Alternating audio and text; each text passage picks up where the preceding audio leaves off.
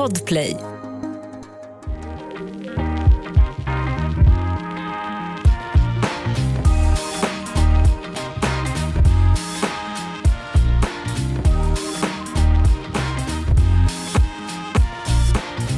Hej och välkomna till ett nytt avsnitt av Gravid.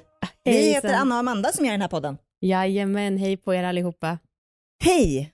Och idag så ska vi prata om utseendet Ja. när man blir gravid.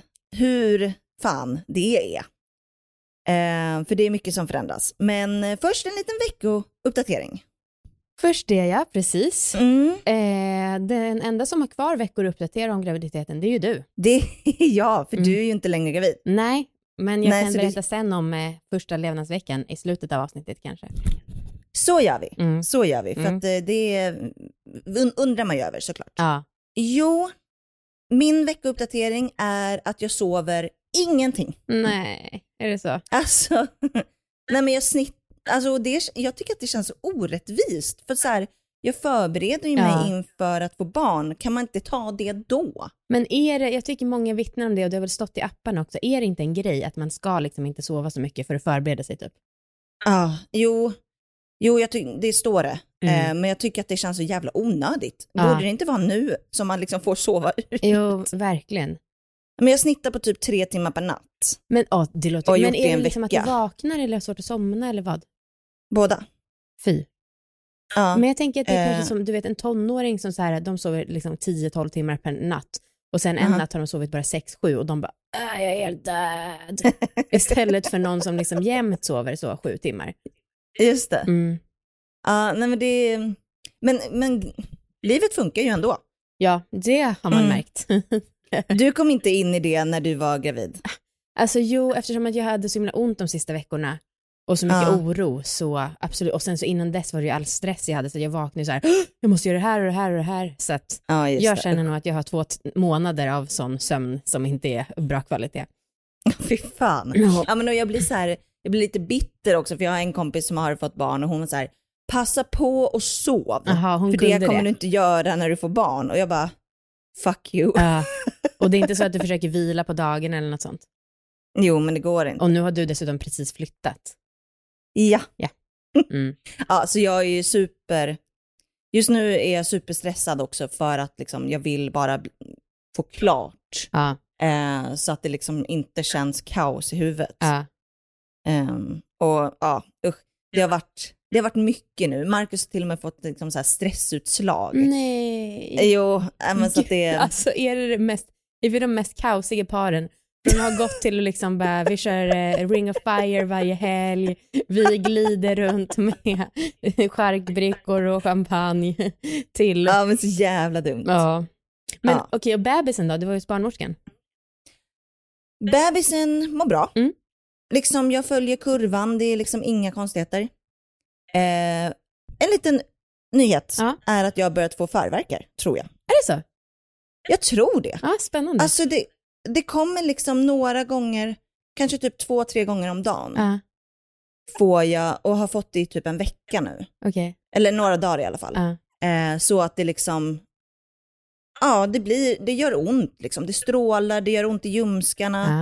Ah. Eh, det, jag tror att det är förverkar, det är svårt att veta. vet du, när jag fick det, som jag antar, då kunde jag verkligen känna i livmodern hur den bara rum, rum, Ah. rum.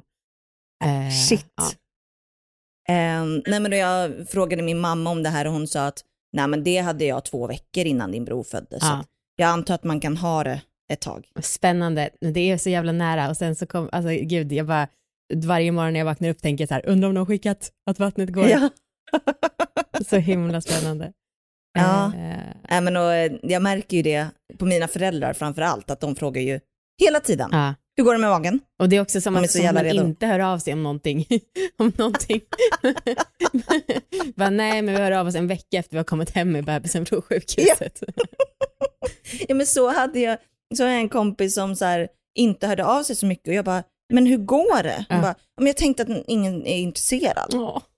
Nej, men, det är klart att man är intresserad, verkligen, herregud. verkligen. Ja, så lite uppdatering från mitt håll. Jag Mm. kan meddela att nu när jag väl har flyttat så, den får gärna vänta några dagar men det är helt okej att komma nu. Trevligt. Ja, ja, fyra dagar kanske. Fyra dagar. Ja, Ja. det är sant. Det, det är bra timing. Kul.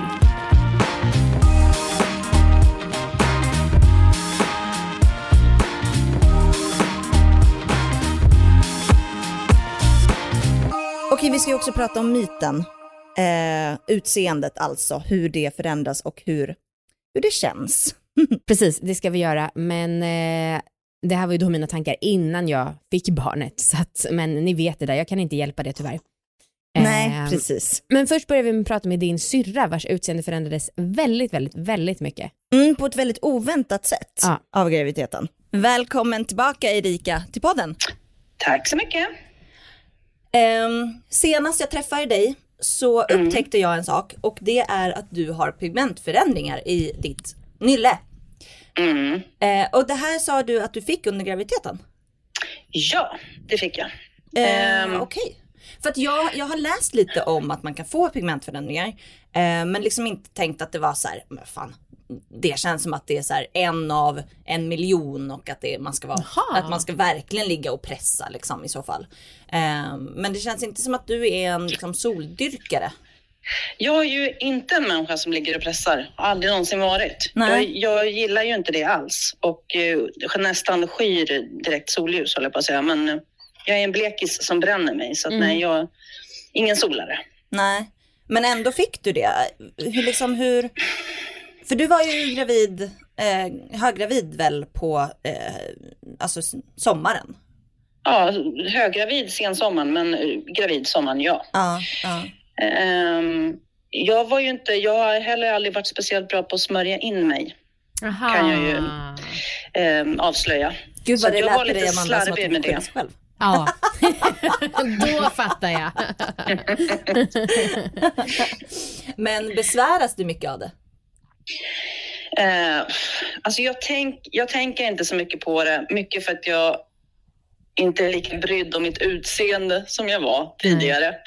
Ehm, har nog att göra med både att jag har fått barn och eh, min ålder att göra. Men eh, hade det här varit för liksom 10-15 år sedan så hade jag nog tänkt på det mer. Nu gör jag inte det så mycket. Nej. Men det är klart, man, ser ju, jag är ju fläckig i ansiktet. Det ser ut som att jag har använt brun utan sol och inte liksom gjort det igen. Ja, det är så pass. Men vet du om det var, så här, var det ett speciellt tillfälle när du var ute eller var det bara att det var under en lång tid som huden tog stryk? Eh, Jag tror att det var under en längre tid, för jag var ändå ute och gick ganska mycket under den sommaren. Ehm, Så jag misstänker att ehm, ja, men jag utsattes ganska mycket för solen ändå. Liksom. Visste du att, att man kunde få pigmentförändringar? Eller sket du bara Eh. i, det? Nej, alltså ja. Jag visste väl att det fanns en, en chans till det, eller möjlighet till det, men det fick jag inte reda på förrän ganska sent i graviditeten. Och det här var ingenting som blev eh, så tydligt förrän liksom efter, efter sommaren, liksom nästan på vintern. Man ska säga, när jag bleknade lite, när liksom ens vanliga, lilla, den lilla solbrännan jag får försvann. Aha. Då började jag märka att oj, jag var väldigt fläckig i ansiktet.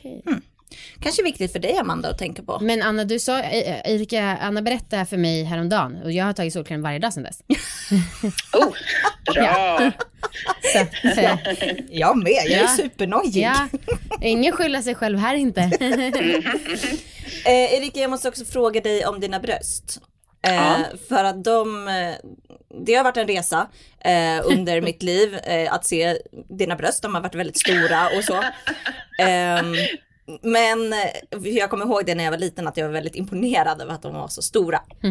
Eh, men nu så har du sagt att de efter graviditeten liksom rinner ner i armhålorna. Ja, Nu är de slappa.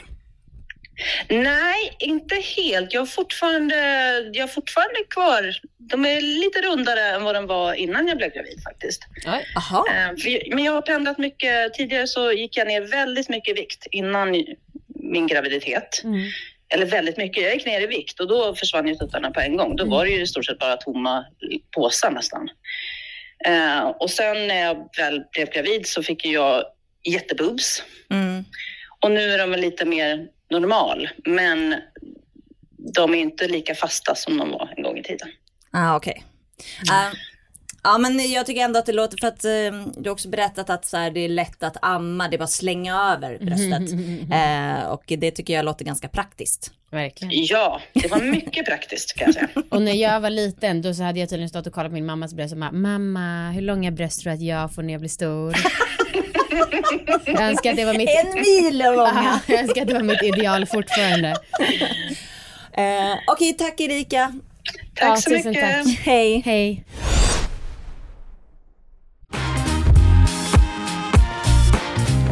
Okej, ska vi gå in på vad vi tänker om den här myten?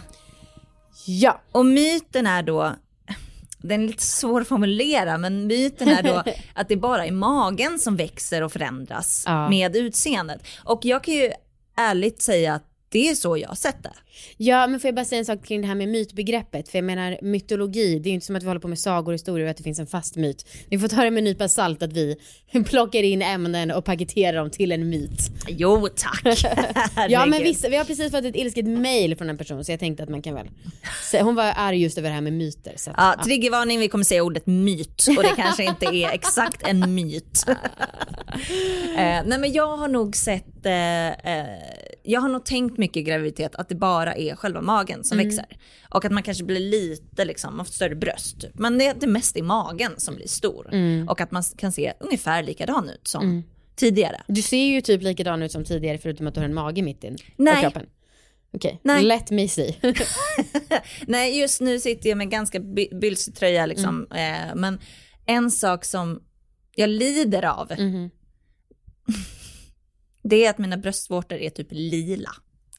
Åh, jag önskar att du var lite mer generös. Och att de är det stora nu. De har växt så jävla mycket. Ah, okej. Jag hade så, åh jag hade såna perfekta bröst innan. De var så små Ah. petita bröstvårtor som var så ljusrosa och perfekta. Ja, det- Ena var lite större än den andra men annars var de liksom äh, Det var ju din perfekta. USP. Ja, Du var ju typ Tutt-Anna. ja, vad är jag nu? Tutt-Anna och Mag-Anna och Ja, så. för fan. Nej, alltså det här, det är inte alls lika kul. Nej. Och jag, det har, jag har liksom varit väldigt stolt över mina, mina bröst. Ja, Nu tycker jag liksom att de har blivit mer, lite mer hängiga. ja. Eh, och framförallt bröstvårtorna har förändrats skitmycket.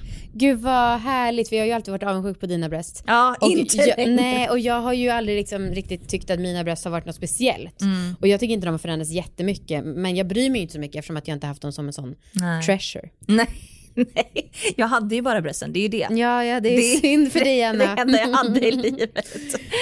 Åh gud. Va, Eh, har, du, har du fått några bristningar eller så? nej, men grejen är att jag, hade, jag har haft bristningar på höften hela mitt liv. Ja. Det hade jag liksom som tonåring. Aha, jag har aldrig Eh, sett. nej, det var nog mer när jag var tonåring. Men bristningar, alltså det är på magen, eller hur? Jag vet inte. För det är ju det som, folk, jo, men det, är det som händer när huden växer. Mm, Eh, Folk som har gått ner mycket i vikt, då kan det ju bli, huden spricker ju för att, just det. ja, och så går det tillbaka och så finns Mm. det kvar bristningar. Men nej, inget sånt har jag fått. Det som jag tycker har hänt är att mitt hår har lite mer problem med att locka sig. Ja. Och det är jag faktiskt lite rädd för, för att mamma slutade ju få lockigt hår med mig och klippte sig kort. Nej men gud vänta, jag är tuttarna och Ja. kom, har nu fått jag sämre vet. bröst och du är då lockig hår Amanda. Ja. ja, det är verkligen, verkligen riktigt trist. Katastrof. Och, ja, Jag har tyvärr upptäckt en tråkig sak. mhm. Eh, för jag, jag har ju liksom inga problem att magen är stor och så, jag tycker att det är härligt. Mm. Men den har blivit hårig. Aha, Min mage är hårig. är det sant? Ja, Shit. och då så, så följer jag någon profil, jag vet inte vem det var, om det var Jenny Dalér eller om det var någon sån, någon sån influencer. Ja. Som också sa att hon hade fått hårig, kanske var det Kinsa, att hon också hade fått en hårig mage när hon blev gravid. Okej. Mm.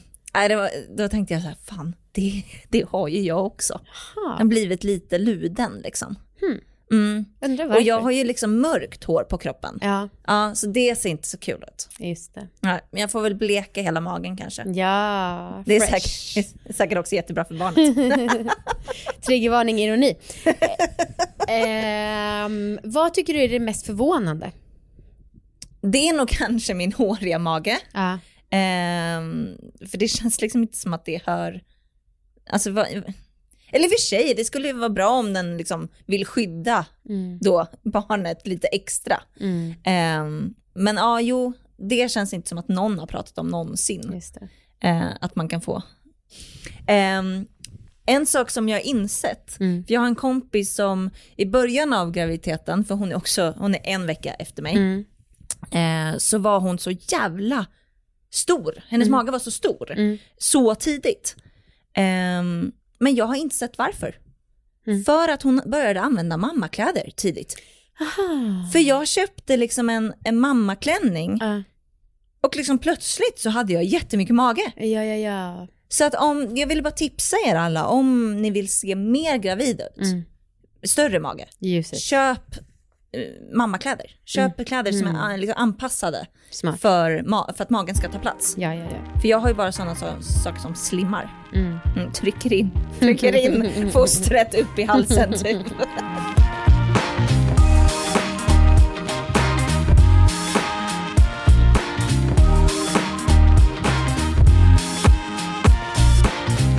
Och sen så har vi såklart en expert och det är återigen Antonia Nordin som är barnmorska och mycket kunnig inom många olika grenar. Mycket, mycket kunnig.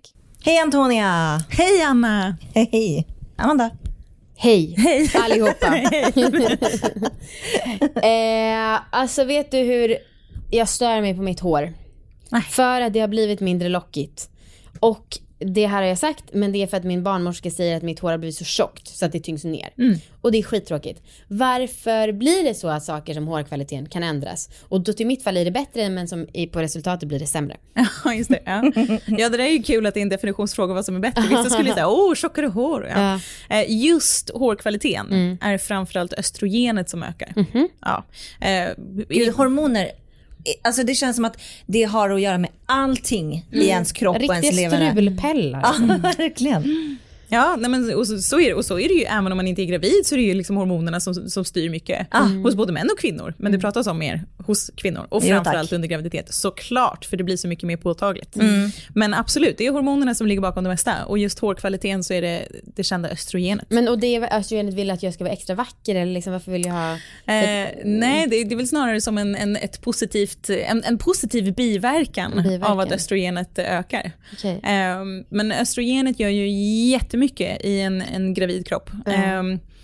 östrogenet ser till att man eh, helt plötsligt bildar en massa nya små blodkärl överallt så att man får mycket bättre blodgenomströmning. Mm, det är därför man har så mycket ådror på sig. Exakt. Mm.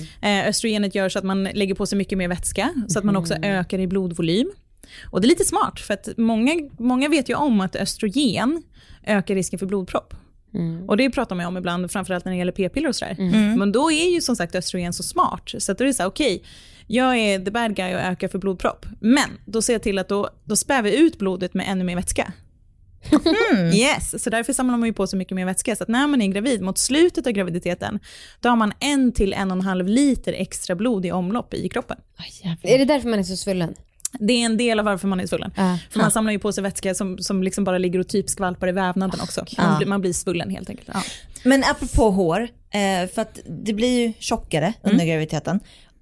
Stämmer det att det är liksom därför det upplevs som tunnare och som att man tappar mycket hår efteråt? Eh, För det har jag hört, men jag har ingen aning om det stämmer. Det är en kombination. Eh, mm. Du får ju, I och med att du, du föder barn och moderkakan lossnar så sjunker ju de här nivåerna på hormoner drastiskt. Ah, okay. Eh, och då tappar du ju den effekten. Ah. Så, att, så att absolut att det är liksom en avsaknad av det här som du kommer känna i skillnaden. Men sen är det också så att om du ammar, mm.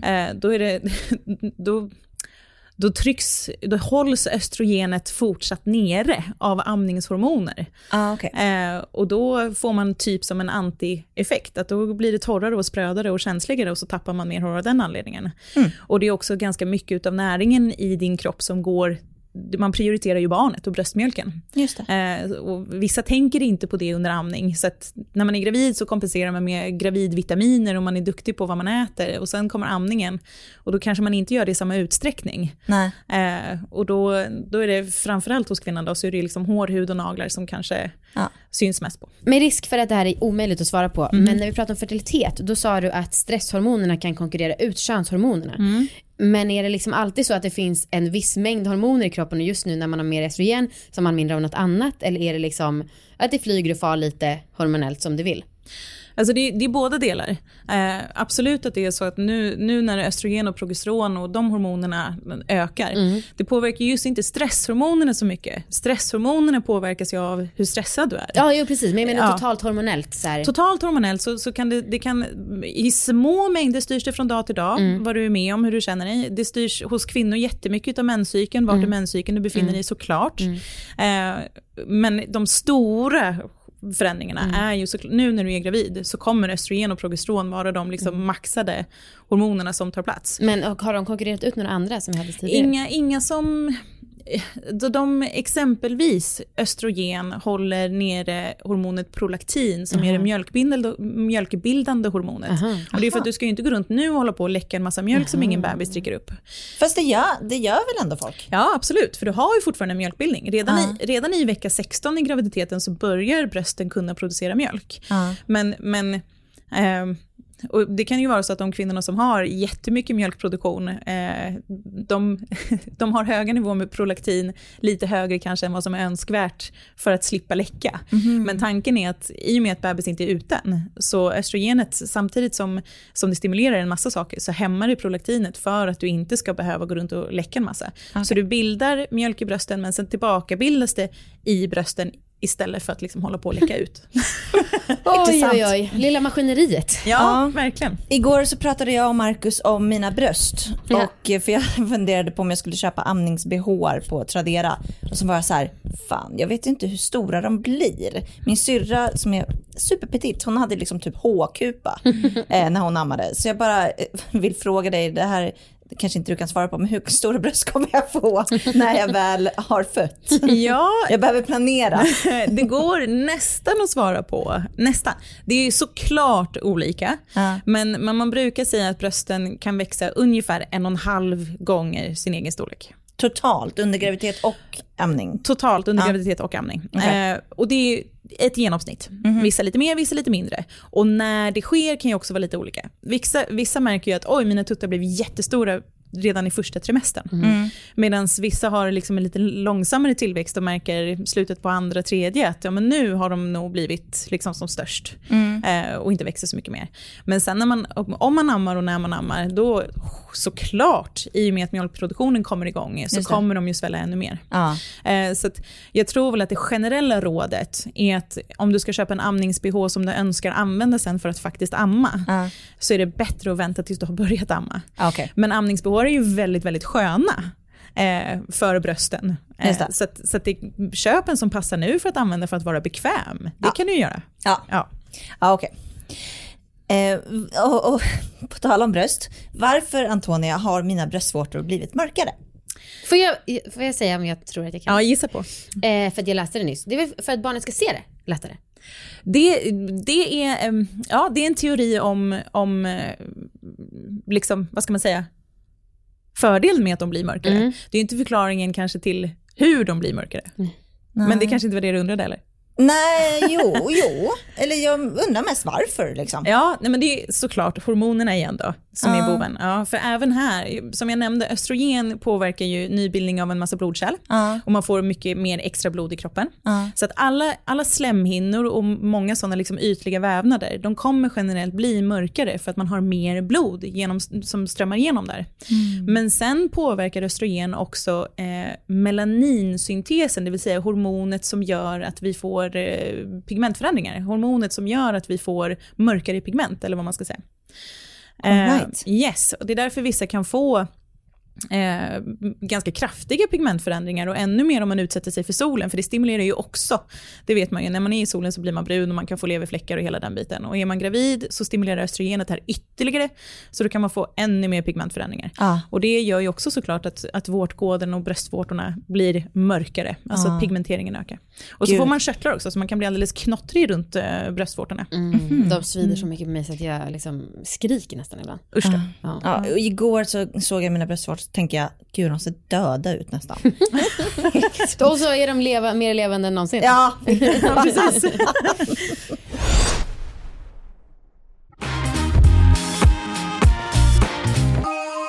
Okej, men sen efter man har fött, mm. och det här är en jättedum fråga, men går, liksom, går allt tillbaka sen? när östrogenen har, har gått ner, kommer jag, kommer, jag få, kommer jag alltid ha döda bröstvårtor? Eller, alltså, Du kommer inte alltid ha döda bröstvårtor. nej. Färgen, färgen på bröstvårtorna brukar, brukar generellt återhämta sig. Åh skönt. Ja. Vad skönt. Vårdgården kan ju växa lite grann. Ja. Det kan vara lite svårare att få tillbaka. Ja, just det. Ja, men så vissa, vissa saker går tillbaka, andra saker kan vara svårare att få, gå tillbaka.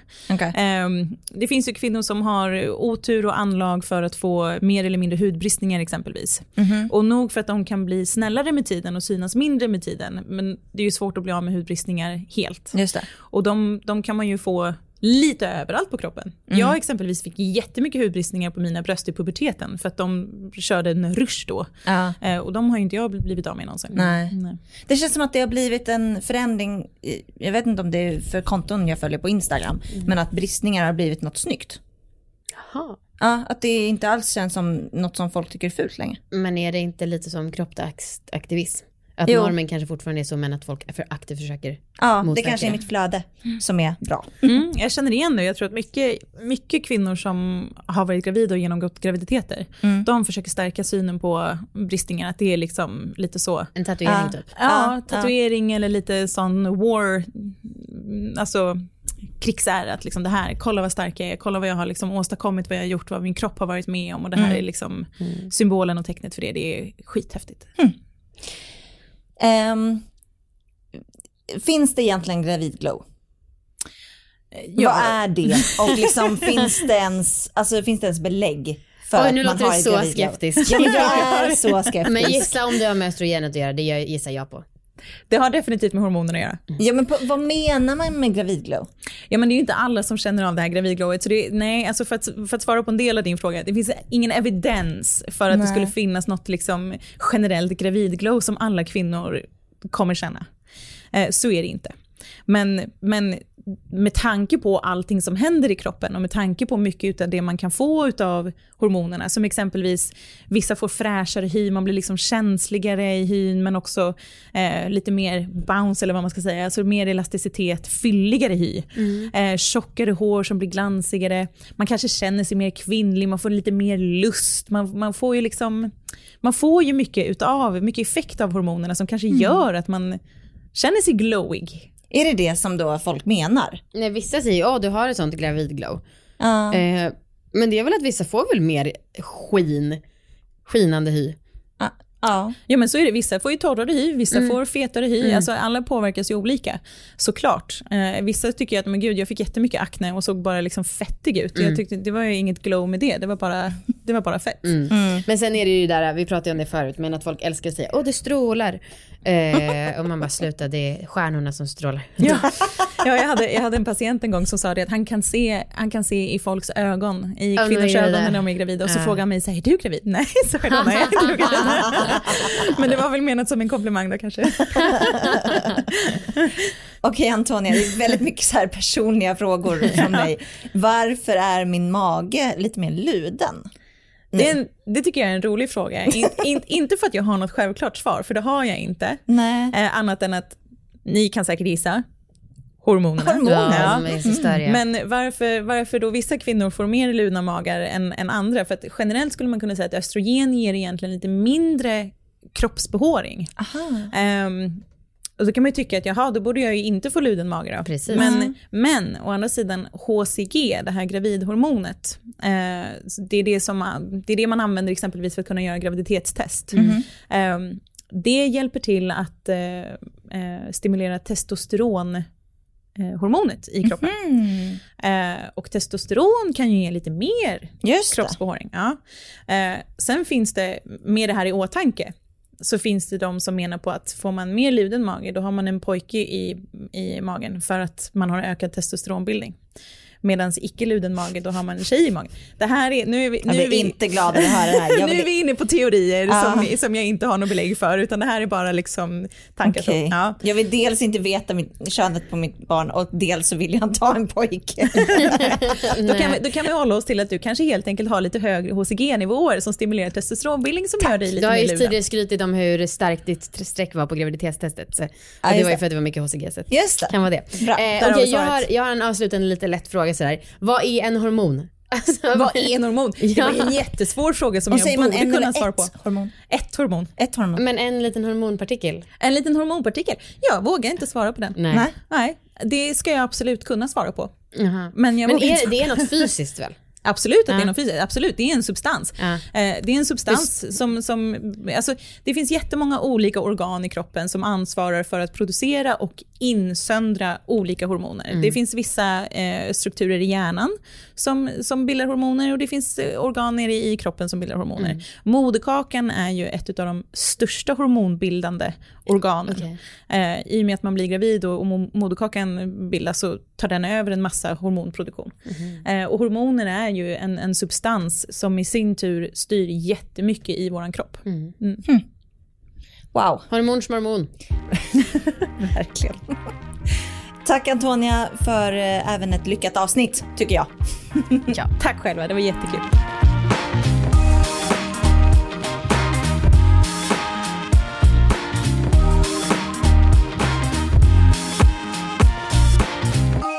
Okej Amanda, ge mig nu en update. Hur är det att ha barn? Ja du, här ligger hon och hickar på mitt bröst. Jag hör det. Så vuxna hickar, men det är också den mesta rörelsen jag har känt i magen. Eh, just ja. nu ligger klockan är halv nio, vi ligger båda och mm, övar på amma, eller hon är ganska duktig på det faktiskt.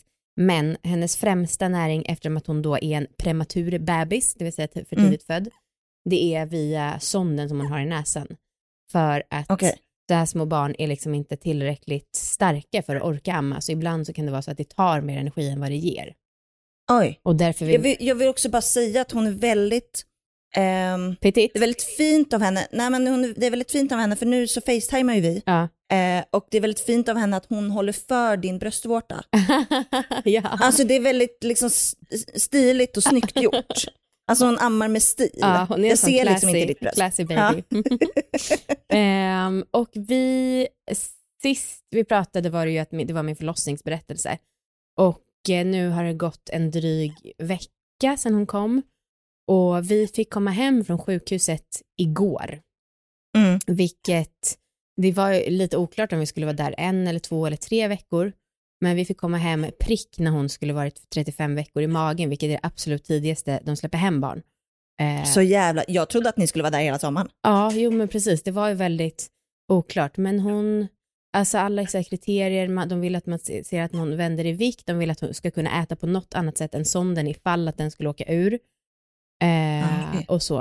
Eh, men det har ju varit, ja fortfarande liksom, den här veckan har ju varit den värsta i mitt liv, för att vårt schema är verkligen så här, eh, klockan halv åtta, då så ska vi göra hennes dagliga tvätt. Och så, på sjukhuset tog man också termometern var tredje timme och det hatade hon. Oj. Eh, Var tas det? I örat eller i rumpan eller? I armhålan. Armhålan? Eh, okay. Och sen så byter man blöja eh, och sen så var det också, första dagarna var det liksom, hon hade en liten grej på sig som mätte hennes syresättning. Då skulle man också flytta på den. Eh, mm. Och sen så skulle vi göra ett amningsförsök och då är det också så här, jag måste ha en liten grej på bröstvårtan för att hon är för liten för att orka suga tag om mitt riktiga bröst. De måste hjälpa till henne med det. Och då så ska den sättas på plats och sen så ger man henne lite så här, en spruta, lite lockdroppar som de kallar det. Det vill säga att eh, hon får lite bröstmjölk så hon börjar själv automatiskt. Mm, mm, mm, mm. Så att hon ska bli stimulerad. Det är liksom lite muta typ. Coolt. Fan vad det är häftigt hur mycket som finns. Ja. Alltså hur många hjälpmedel som finns. Alltså. Ja, jag vet. Men, och det här pratar vi privat om, men nu har jag väl bearbetat det lite. Men så här, tanken på att hon inte har fått växa klart i magen som hon skulle, mm. utan måste kämpa så här mycket i livet, alltså det kan göra mig helt förtvivlad. Och jag får så dåligt mm. samvete över det. Och liksom mm. blir så jävla, jävla rädd inför en kommande eventuell graviditet. Och jag ska, jag har sökt, jag ska gå i riktig terapi för det här. Um, för att jag känner verkligen, alltså hade hon fötts ännu tidigare, jag hade inte velat ha, eller nu vill jag ju såklart verkligen ha henne, men alltså jag får sån ångest att se de här barnen som är födda i vecka 25. Ja. Uh, alltså för det är sån jävla, då är det liksom fyra månader i typ respirator och det, ja, alltså jag älskar mm. tekniken men jag kan också få panik över det. För att, ja. Jag uh. förstår det.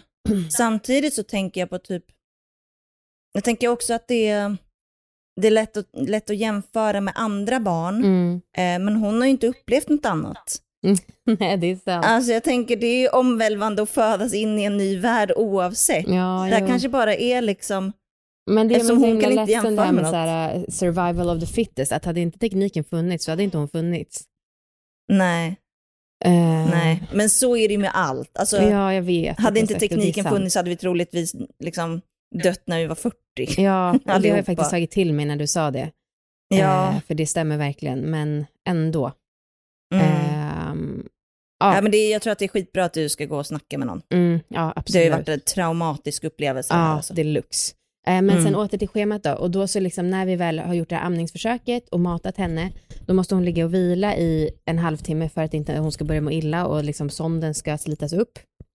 Aha. Och sen eftersom att, jag måste få, eftersom att hon inte suger ut all min mjölk och jag måste upprätthålla så att inte jag får mjölkstockning, då måste jag också gå och pumpa brösten i typ 20 minuter.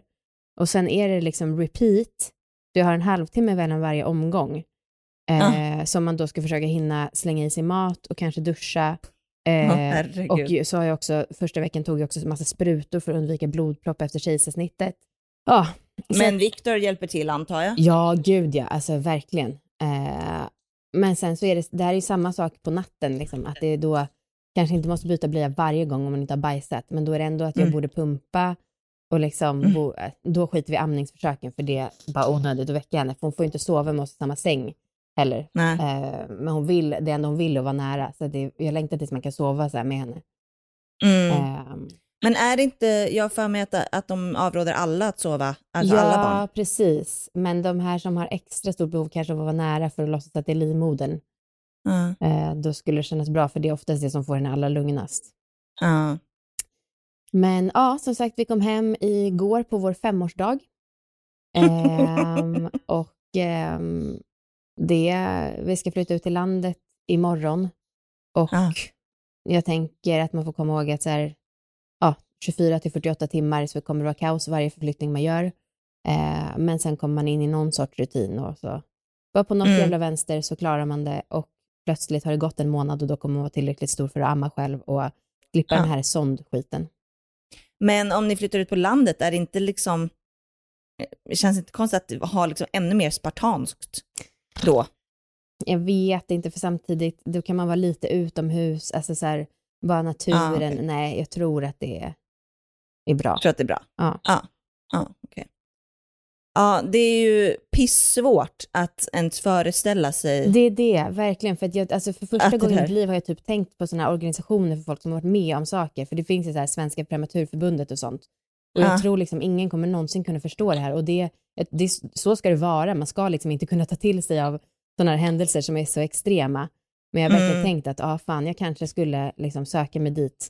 Det beror på hur livet utvecklar sig. Men för det är nice att dela med folk som har varit med om samma sak.